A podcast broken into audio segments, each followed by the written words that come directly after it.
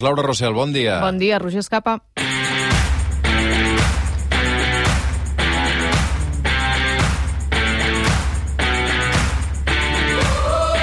Com anem, Laura? Molt bé. Tot a punt per aquest vespre? Sí, i De tant. seguida saludarem també l'Òscar Fernández. Avui Òscar Fernández i Laura Rossell a partir de les 7 del vespre seguint aquesta jornada electoral, però és diumenge i el suplement tampoc ens estalviem avui la Laura, perquè fa setmanes us vam fer una promesa, tota l'audiència, quan arribéssim a la lletra R de l'abecedari lila del suplement, faríem una menció i un monogràfic especial, sí, eh, Laura? Sí, se'l mereix. Montserrat Roig, R de Roig. És tan important el llegat i la figura de la Roig que seria, mm, vam estar d'acord tots dos, eh, una injustícia mm, parlar-ne només per sobre. Per això avui, que fa 28 anys que va morir, doncs hi parem atenció, li dediquem un monogràfic de l'abecedari lila. Diumenge 10 de novembre, diumenge electoral, però també diumenge especial Montserrat Roig al suplement.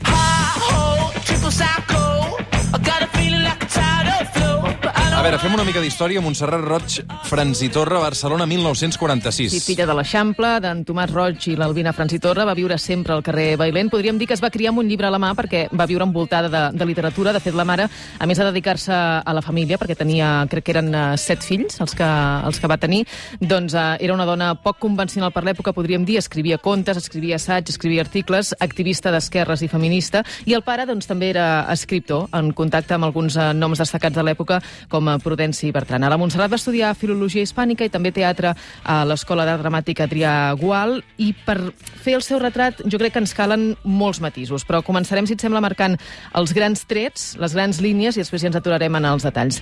D'una banda, important de la Montserrat Roig, el compromís polític. Ella era militant d'esquerres, militant de la lluita antifranquista, es va afiliar al PSUC, era el que es deia abans eh, una roja, Mm. Tal qual. Va participar, entre d'altres, a la Caputxinada del 66, també a la tancada de Montserrat. Una altra gran línia per definir la seva figura, l'escriptura. Ella arriba un moment que decideix, a més molt jove, decideix ser escriptora. Uh, és important uh, aquesta acció, eh, de decidir. Ella pren consciència, diu, jo me'n vull uh, dedicar, em vull guanyar la vida com a escriptora professional. És una escriptora total, això ho sabrem més tard, perquè es dedica a fer novel·les, assaig, fins i tot una obra de teatre. Potser, i segurament no, uh, potser no, segurament una de les obres més importants, més i les que té més uh, prestigi del, de Montserrat Roig és Els catalans als camps nazis, es va publicar el 1977. És també, i sobretot, una periodista colossal. El periodisme li deia literatura paral·lela. Va publicar articles diaris durant anys al periòdico i a l'Avui. I després les entrevistes que va fer, sobretot per televisió, són un autèntic referent que per aquí part de la indignació que crec que compartim, Roger, que no Sí. se- no se'ns parli de Montserrat Roig a les facultats. Que No, no, aprenguem a fer periodisme L'hem descobert una mica més tard. L'hem descobert bastant més tard, alguns. Per últim, uh, un altre tret que crec que ens pot ajudar a, a, definir, a definir la, la figura de Montserrat Roig és, és la seva mm, faceta com a feminista, la seva parcel·la de, de feminista. I com a entrevistadora, també, eh? amb aquest llibre que ara han publicat la Gemma Ruiz i l'Albert Forns, Montserrat Roig, Retrats Paral·lels, eh, molt i molt recomanable. Per explicar la dimensió del personatge, avui tenim dues persones molt rellevants que ens acompanyen. Honey,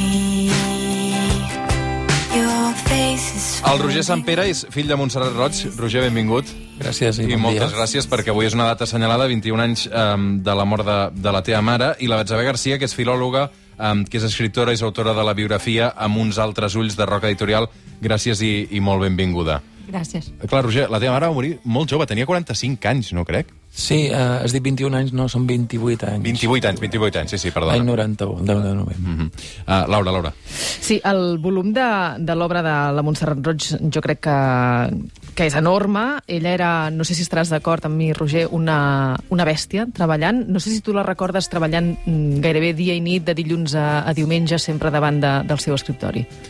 Pràcticament, sí. Aquesta és la, la imatge de, de, la, de la mare treballant. Precisament ahir vam estar dinant a, amb el meu germà i, i ho recordàvem, eh? que, eh, perquè estàvem parlant de, dels caràcters, de com érem, si som alegres, no, si hem heretat alguna cosa, eh, i, i de la mare dèiem això, que quan treballava era molt seriosa i necessitava molt de silenci i, i, i més treballava moltíssim. I això com es combinava amb dos uh, fills a doncs, casa? tenia ajuda, tenia ajuda, vivíem al costat de, dels avis i, i passàvem moltes hores a casa dels avis, també. Dius, uh, vam estar parlant de si havíem heretat alguna cosa d'ella. Uh, què heu heretat, el Jordi i el Roger, de la Montserrat Roig? Doncs el Jordi té, un, té una manera d'escriure uh, i té algun llibre publicat que, que, que, fa, que, que, que, és, que és molt, molt bo. Uh, jo, per aquesta banda, res, absolutament, absolutament res. Potser un pèl d'ironia, però mm. no arribo a les cotes d'ella. De fet, uh, aquesta figura, no? aquesta imatge de la Montserrat escrivint uh, concentrada al seu escriptori és una dedicació que podem dir que, que l'absorbia i ella mateixa ho explica així en aquest tall que hem recuperat de la Maroteca. Escriure és una dedicació absoluta, gairebé monàstica. Deixes moltes coses al darrere. Quines coses deixava enrere? Uh, doncs no ho sé, no sé exactament. Suposo que potser una, una vida en parella més convencional, no? Eh, ella era una dona eh, molt, eh, molt combativa i molt que li agradava molt eh, fer la seva vida i suposo que això i la manera d'escriure doncs, va xocar una mica amb aquesta, amb aquesta altra idea. Però no va renunciar a tenir fills, aquí estem tots dos, i quan algú s'atrevia a preguntar-li, perquè és curiós que això es pregunti una escriptora i no pas a un escriptor, no?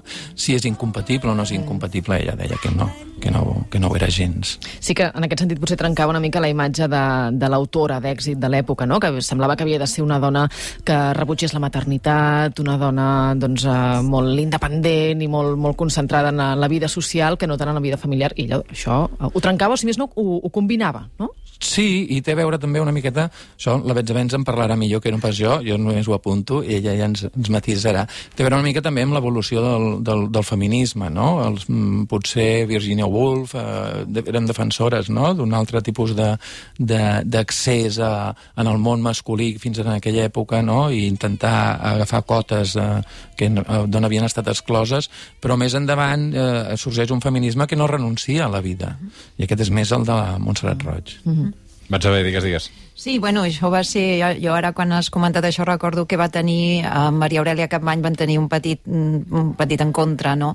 Perquè quan es va quedar embarassada, de el Roger, doncs eh, Maria Aurelia Capmany li va dir ja s'ha acabat la carrera d'escriptora, no? I ella va defensar això. Efectivament, això es relaciona doncs, en aquestes dos grans vessants del feminisme de la igualtat i feminisme de diferència. Maria Aurelia Capmany venia de l'escola boboriana, no? de l'escola de, eh, diguem, del feminisme de la igualtat, que és aquell que es vol reconèixer en, a, eh, en la paraula home, no? i es vol reconèixer i es vol sumar al discurs d'home, ja on posa home, no? en els llibres de filosofia també se m'inclou a mi i hem de pensar en això, davant d'un feminisme de la diferència, doncs que eh, dintre d'aquesta identificació amb el signe lingüístic, o sigui, de, de veure la paraula home, diuen no, no, quan diuen home volen dir home, blanc, etc bla, bla, tot el que blanc, de classe mitja, europeu, cristià, etc.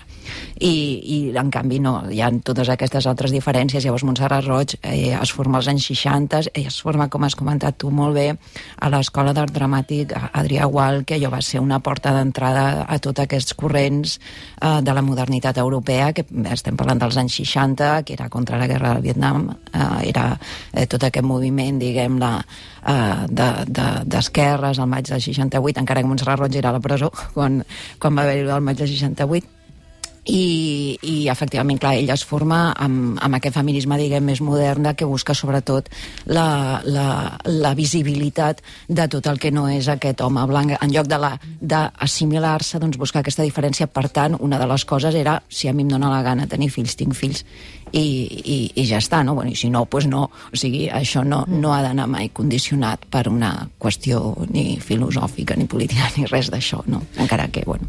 En aquest sentit, a mi em crida molt l'atenció, eh, que, que potser m'equivoco, eh, de posar l'accent en això, però quan ella diu va decidir a ser escriptora. A, aquest, uh -huh. aquest punt de, de, de voluntat de dir no, no, m'hi poso i em guanyaré la vida amb això. I ella estava convençuda que ella volia um, que la feina fos un, un plaer. Ho va aconseguir? Va aconseguir gaudir del fet de, de dedicar-se a escriure? Jo, jo crec que sí, o sigui, va ser, uh, aviam, va, va, va aconseguir un, un, un èxit fenomenal, no? Vull dir, bueno, la prova és que ara estem parlant d'ella, vull dir, 28 anys després seguim parlant d'ella, i segueix estant tan vigent com sempre, o potser més encara, no ho sé. Eh, però, però sí, sí, va aconseguir eh, el que...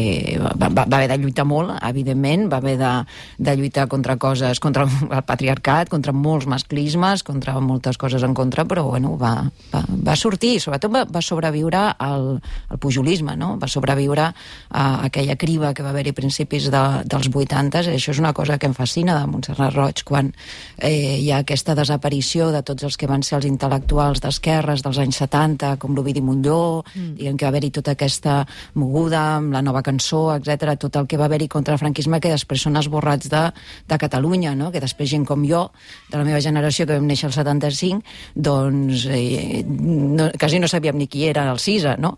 Vull dir, sabíem quasi de casualitat i era perquè van ser esborrats i, uh, i en canvi Montserrat Roig va, va poder fer aquest salt, no? va, va ser molt intel·ligent, jo trobo, la, la, la manera com va aconseguir entrar, durar durant els 80s i, i seguir mantenint aquesta raó crítica, aquesta manera de pensar sempre des de la raó crítica, no? des de sempre posant-ho tot en qüestió, sempre el pensament i la reflexió per davant de tot. No? Això, això és una cosa que, és, que trobo especialment admirable de Montserrat Roig. Qui era aquest, uh, aquest cercle d'intel·lectuals que, el, que el rodejaven? Um, crec que hi havia Manuel Vázquez Montalbán, Pilar Imaric, no? Josep Maria Valentí Jornet. Sentíem també aquest matí un fragment del Quim Puyal uh, el dia del seu enterrament, que deia, si m'ho permeteu, jo crec que era amiga seva també. Um, um, què passava en aquest entorn? Què es discutia?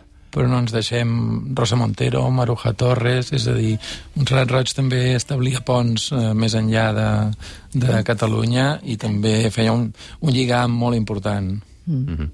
Mm -hmm. Sí. Et sembla que la sentim? Perquè també tenim ganes de sentir-la i precisament un dia com avui parlant de política. Eh, I ara potser diré una barrabassada, però jo estic convençuda que si els ministres, els consellers, els regidors, els caps d'estat i els alcaldes i els directors dels diaris eh, tinguessin mames, eh, seguís fent més casa en aquest problema. Aquí. Està parlant del de càncer, la masectomia. Sí, del eh? càncer de mama, no? De... Càncer de mama. Eh, com barrejava aquesta actitud eh, crítica amb l'actualitat, no? amb, la, amb el fet social i amb el fet polític, també, no? Ella va quedar descontenta amb la política?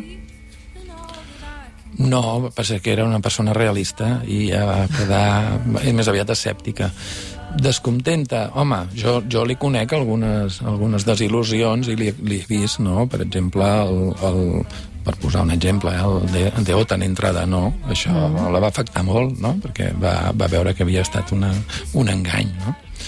Uh, però ella creia en la política, i la política és eh, una política transformadora, una política d'idees, que té ganes d'ajudar la gent. Ella hi creia i molt, i fins i tot doncs, eh, participava si feia falta i se li demanava. Sí. Ella que va, va néixer en la lluita antifranquista i que va viure la transició, com, com veia la transició? Eh, va ser mm, positiva per ella? Ho aplaudia? Estava satisfeta amb com s'havia gestionat eh, el tancament del règim franquista i l'arribada de la democràcia? Bé, amb, amb la Betzabé abans d'entrar comentàvem que volíem repassar una miqueta articles perquè mm. no, per, per, per veure què pensava ella en aquell moment i intentar potser extrapolar alguna cosa. I hi ha hagut una... Aquest matí m'he llevat molt d'hora i he estat buscant un article i malauradament no l'he trobat, però el podem recordar més endavant. Cosa que no s'estranya, perquè amb quants articles, centenars o fins i tot... És, és, oh. molts, molts, és molt difícil. Eh, però bé, és sobre la, la votació de la Constitució del 78 i mm, bueno, el, el que sobrevola per sobre l'article aquest és simplement que va votar amb una pinça al nas perquè alguna cosa ja feia pudor. Simplement això, no? Llavors... Eh, Uh, què, què pensaria d'aquesta Constitució ara? Doncs no ho sé. Però podem llegir aquest article, podem llegir aquest article que sí que el va escriure. Sí, segurament és una pregunta injusta, no? 28 anys després, posar-tos en aquest context, vull dir que no ho sabem. No ho sabem, és una pregunta que la, la, tant a la Betzavé com a mi ens han fet moltes vegades. Sí. I, i, i, hem, i contestem sempre un, un, dient que no ho sabem i que és injust i que, i que ella no està aquí per parlar-ne. Llavors, sempre afegim que el que és interessant és que la gent recuperi els seus escrits, no? Uh -huh. uh, jo avui vos n'havia fet una selecció, però per no trencar el ritme no, no, no, els, no els explicaré, però, per exemple, en el llibre d'un pensament de sal i un pessic uh -huh. de pebre uh, es poden trobar els articles que jo va publicar als anys 90, Aleshores, aquí podem veure si han canviat les coses. N'hi ha un, eh, que és el que havia seleccionat, no el llegiré, no cal, però que parla d'un jutge que ha absolt un violador perquè la dona no s'havia resistit prou. Sí. Això és de l'any 90. Aleshores, i és un jutge del Tribunal Suprem, a més a més. Ostres. Aleshores, clar, quan hem dit que fa, han passat 28 anys d'això i ens hi tornem a trobar. Aleshores, si voleu saber què, què hauria escrit Montserrat Roig després de la sentència de la manada, doncs aneu a aquest article de l'any 90 i ho veureu perfectament, perquè hauria dit les mateixes paraules, suposadament. Avui... Recordo, recordo un altre article al periòdico eh, d'una manada, podríem dir, que va passar amb una noia amb síndrome de Down, no? que la van, la van violar en una sauna eh, i ella també ho va denunciar i, i ella parlava de, de, de que el que més li posava els pèls de punta era el silenci que hi havia al voltant de... Eh, vull dir que quasi no li va donar ningú cap importància, no? Vull dir, demanades n'hi ha, ha hagut sempre. Vull dir, això és, això és una cosa que, que també comentàvem abans, no? de, de, que ens dona Montserrat Roig, que és aquesta importància de, de, de la memòria. No? Jo una, una idea que em quedo amb, amb Montserrat Roig és, a, és la importància de la continuïtat. No? Ella insistia molt sempre aquesta mania de sempre voler començar de zero eh, i és aquestes coses no, no, no, tenim, quan ella parla de la memòria és la memòria pròpia la memòria de, del que nosaltres eh, vivim de la nostra memòria que no ens oblidem del que vam viure als 80 del que vam viure als 90 del que vam viure és a dir, sempre, eh, sempre està pendent llavors aquestes coses és a vegades aquests eh, salts abruptes no? que, que dius, bueno, de cop i volta sembla que tot vingui de nou no? I, i no, vull dir, aquestes coses Home, aquest exemple que acaba de posar el Roger d'aquest article de principis dels 90 fent referència a una, a una sentència sí. per una violació, clar, és que, és que fa, la setmana passada n'estàvem parlant del cas I- de la Mana de Manresa. I el que dèiem de la ironia, eh? llegiu-lo perquè és molt, sing- és molt sintomàtic. Uh, diu una frase, diu, què esperava aquest jutge? Que aquesta dona se n'anés a prendre el te amb el violador? És a dir, uh, llegiu-la perquè recuperem la seva ironia, recuperem el seu pensament i és actualitzable totalment. Recomanem a tots els oients que la llegeixin i també que l'escoltin. La vida és una obra, una obra, un procés que es va fent i que quan comences a aprendre una mica, malauradament, eh, t'obliguen a que te'n basis, no? Love struck Romeo sings a street so serenade. He's playing everybody. Va marxar molt abans del que li tocava, perquè crec que va morir amb 45 anys, tenia, no? Sí, sí, sí. Va 45 néixer l'any 46 i va morir el 91. Tens algun llibre preferit, tu? Ara, quan repassava la Laura la biografia, eh, tot aquest treball... Uh, uh, depèn, no, no, jo no diria que tinc un de preferit. Jo el que he fet és un exercici de quan algú em demana alguna recomanació, intento estar una estona parlant amb aquesta persona per veure quin, per quin llibre començar a llegir Montserrat Roig, perquè n'hi ha, hi ha moltes possibilitats, no? I no tothom cal que entri a Montserrat Roig per un camí o per un altre. Jo recomano l'Agulla Daurada doncs, eh, a gent que està interessada per la, per la cultura en general, pels viatges i per altres cultures. L'agulla daurada que surt després d'una estada al que era la URSS, abans. Exacte, Oi? sí. No? La saber fa molt cap, eh, Xapi Bueno. Xapi? Bueno, va haver una història amb aquest llibre, perquè el primer és el Mi viaje al bloqueo, eh, que surt en castellà, que és un encàrrec de la URSS i que li ve arran dels catalans als camps nazis, que és el, el govern de la URSS i demana que faci una cosa semblant amb el setge de Leningrad. El que passa és que es va trobar amb la censura eh, soviètica, hi ha moltes coses que li van modificar, de fet això m'ho va, també ho va explicar la, la Rosa Montero, precisament, em va, em va dir que ella no havia quedat contenta d'aquest llibre i que hi ha moltes frases que no, no, no, no, no, li, no li peguen a la Montserrat Roig, no? uns, uns, unes certes cants, diguem, àulics de, de, la, de la URSS que no li peguen gaire. I, i llavors d'aquí va néixer l'agulla daurada després, no? És, és molt semblant, hi ha coses molt semblants. De fet, va ser un treball que vaig fer que vaig trobar molt interessant, que era comparar els dos llibres, no? llegir-te un, llegir-te l'altre, i veus tot el, el que ella va realment, el cam, els canvis que fa a, a certes frases, com canvia els adjectius o com, com realment canvia tot, tota la visió. No? Hi ha uns agulla daurada, això va sortir una mica més tard. Sí. Avui al suplement hem volgut reivindicar, recuperar Montserrat Roig 28 anys després. Roger Sampere, amb el seu fill, moltes gràcies. A vosaltres. I la Betsabe Garcia, que és filòloga i escriptora. Moltes gràcies també per haver-nos acompanyat. Gràcies. I aquesta tarda, a partir de les 7, Laura Rosell i Òscar Fernández. Bon dia i bona hora.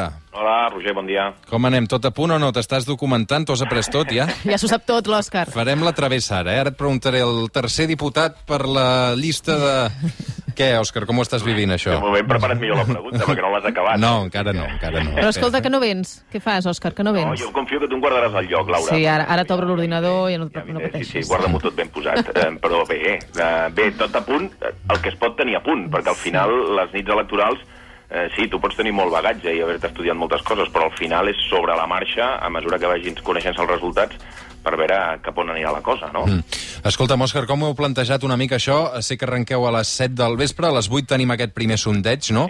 Um, i, I tu que també has treballat en altres nits electorals, uh, el gruix de, de dades eh, de les quals ens podem començar a fiar en unes eleccions generals que arriben a quarts de 10, no? Sí, fins i tot una mica més tard, cap a les 10, perquè, eh, primer perquè han d'esperar que tanquin els col·legis electorals a Canàries per començar l'escrutini, eh, a vegades també, eh, segons eh, si hi ha alguna més en què hi ha algun petit problema, total que al final, fins que no hi ha un 15% escrutat o així, perquè eh, l'experiència diu que a partir del 15% hi ha alguna variació, però no molt espectacular, poden pujar uns quants escons d'una banda, uns de l'altra, però a partir del 15% la cosa ja està més o menys estable, pot pujar una mica una... El que passa que com que la cosa està tan ajustada entre els dos blocs, entre la dreta i l'esquerra, clar, pujar tres o quatre escons d'una banda o baixar-los de l'altra pot variar molt les, les majories. Per tant, haurem d'estar pendents. Jo crec que al voltant de les 10 començarem a tenir una mica de fotografia i abans de les 11 tindrem ja els resultats pràcticament definitius. Mm, I està molt bé tenir un sondeig a les 8 del vespre a TV3 a Catalunya Ràdio, però no deixa de ser un sondeig, Laura, i a vegades els sondejos fallen.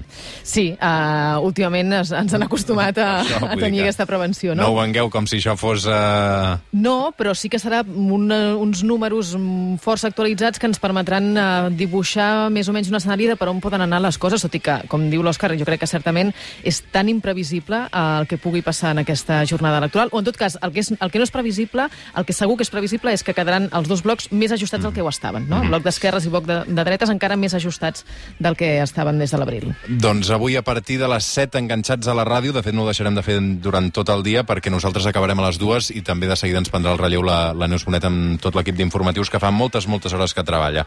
Uh, Òscar, Laura, molta sort aquesta nit i moltes gràcies. Gràcies. Gràcies, igualment. Fem una petita pausa, arribem a les notícies de les 12, ens actualitzem i continuem fins les dues, pendents d'aquesta jornada electoral que ja fa 3 hores que camina i en queden encara unes quantes per davant. Fins ara.